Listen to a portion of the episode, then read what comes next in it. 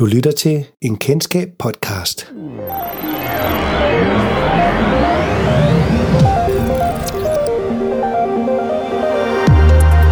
Velkommen til Kendskabs podcast-serie om digital markedsføring. Mit navn det er Sandra Birkefeldt, og i dagens afsnit taler jeg med Anders Gerlev Hansen, som er Head of SEO her hos Kendskab. I dag der skal vi simpelthen snakke om, hvad fremtidens SEO den består af. Hej Anders. Hej Sandra. Først og fremmest, hvad er fremtidens SEO for noget? Det er et stort og meget spændende spørgsmål, du stiller der.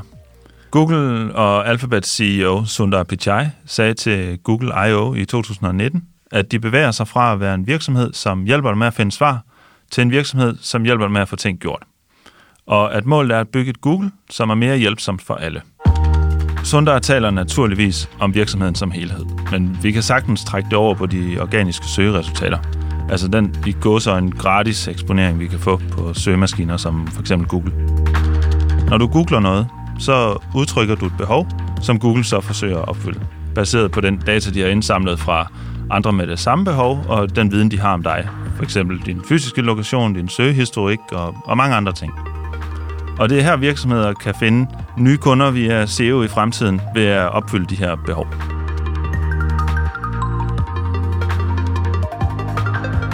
Nu lægger jeg mærke til, at jeg spørger dig om øh, søgemaskinoptimering, og du har stadig ikke sagt søgeord. Er de lige meget, når vi ser på fremtidens SEO? Nej, ej, søger er ikke lige meget i fremtiden, men øh, det er godt, du spørger, for jeg må nok hellere uddybe det lidt.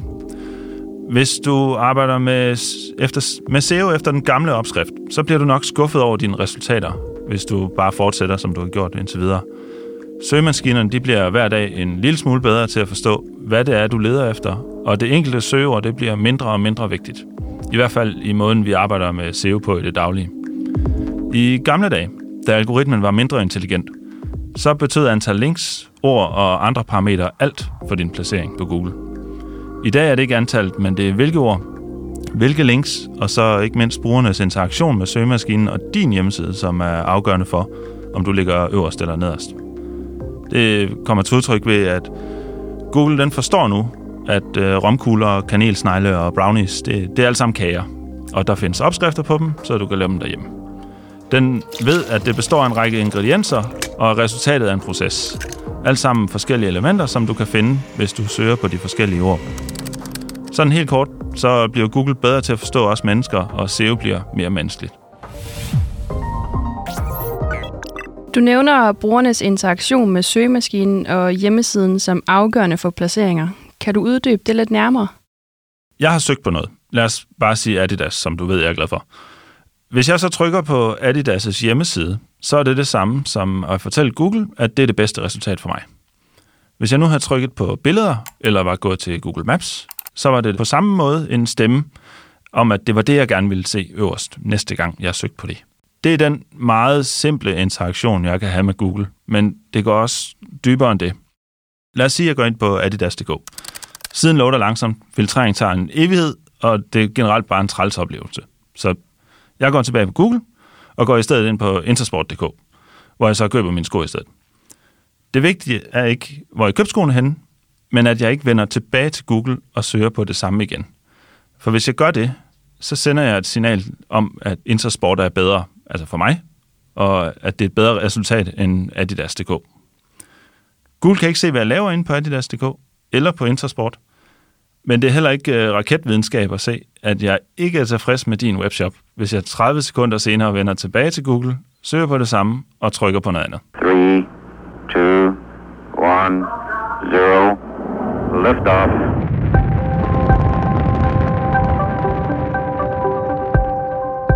Det giver rigtig god mening, at Google analyserer, hvordan du bruger søgemaskinen, men de vil vel også gerne se, hvordan du bruger for eksempel Adidas.dk eller hvad?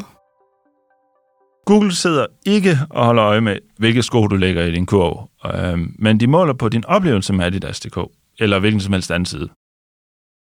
Du bruger sikkert Chrome, ligesom størstedelen af danskere og resten af verden. Noget af den anonyme data, du sandsynligvis har sagt ja til, uden at tænke over det, er, at øh, Google må indsamle data om, hvordan du bruger din browser, og det bliver til det, der hedder Chrome User Experience Report. Den rapport den indeholder data om, hvor lang tid siden tog om at blive hentet, hvor hurtigt dit internet var, da du besøgte en hjemmeside, og om du har accepteret notifikationer fra hjemmesiden, og mange, mange flere ting, du sikkert ikke vidste, du delte med dem. Jeg tror, det er vigtigt lige at specificere, at det her det er meget forsimplet. Men den her data, den bruger Google så til at prøve at forstå, hvor god en hjemmeside er, og det har så indflydelse på dine organiske placeringer.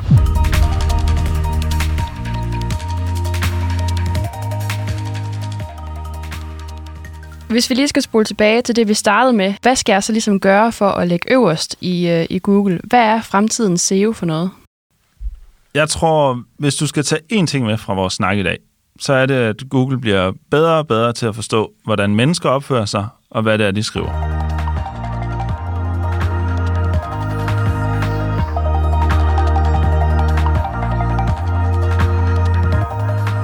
I gamle dage, der var der nogle tricks, man kunne bruge, øh, som gav gevinster dengang, men som ikke virker længere, eller også så bliver man direkte straffet for at gøre nogle af de her ting. Øh, det kunne for eksempel være, at det ikke er tilladt at købe øh, links til manipulering af PageRank, som at det er et helt emne i sig selv at komme ind på, og det tror jeg ikke, vi skal snakke om i dag. Men det må man ikke, og Google er blevet rigtig, rigtig gode til at se, hvornår det er, man prøver at snyde dem.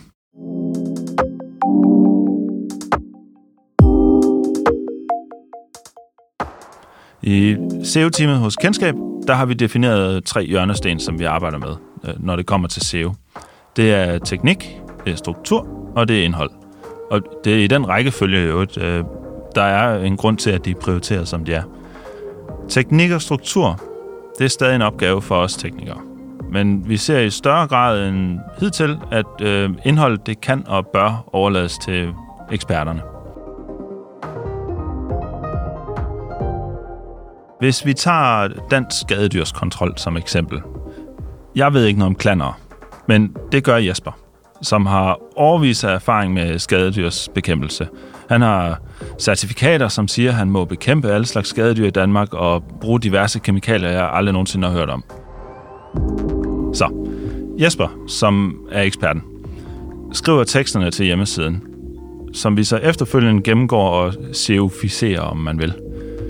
Sådan helt lavpraktisk, så betyder det, at vi tager Jespers Word-dokument og sørger for, at det bliver pænt opstillet på hjemmesiden med de rigtige H1 og H2-overskrifter, at der er interne links i teksterne, at billederne har de rigtige størrelser og formater og alt tekster, og generelt bare spiseligt for Googlebot, når den kommer og besøger hjemmesiden. I gamle dage, der kunne du sagtens lave en serversanalyse, og så få en studerende til at spytte en tekst ud til en krone per år, og så var den skide ligesom slået. Så nemt er det heldigvis ikke længere. Jeg vælger at se sådan på det, at Google også bliver en bedre søgemaskine for mig, når den kan sortere skidt fra kanel, øh, når jeg søger på skadedyrsbekæmpelse eller nye Adidas sko, den sags skyld. Du lyttede til en podcast om fremtidens SEO, hvor jeg, Sandra Birkefeldt, interviewede Anders Gerlev Hansen, Head of SEO hos Kendskab. Lad mere om digital markedsføring på kendskab.dk-indsigt. Kendskab. Styr dit. Brug vores.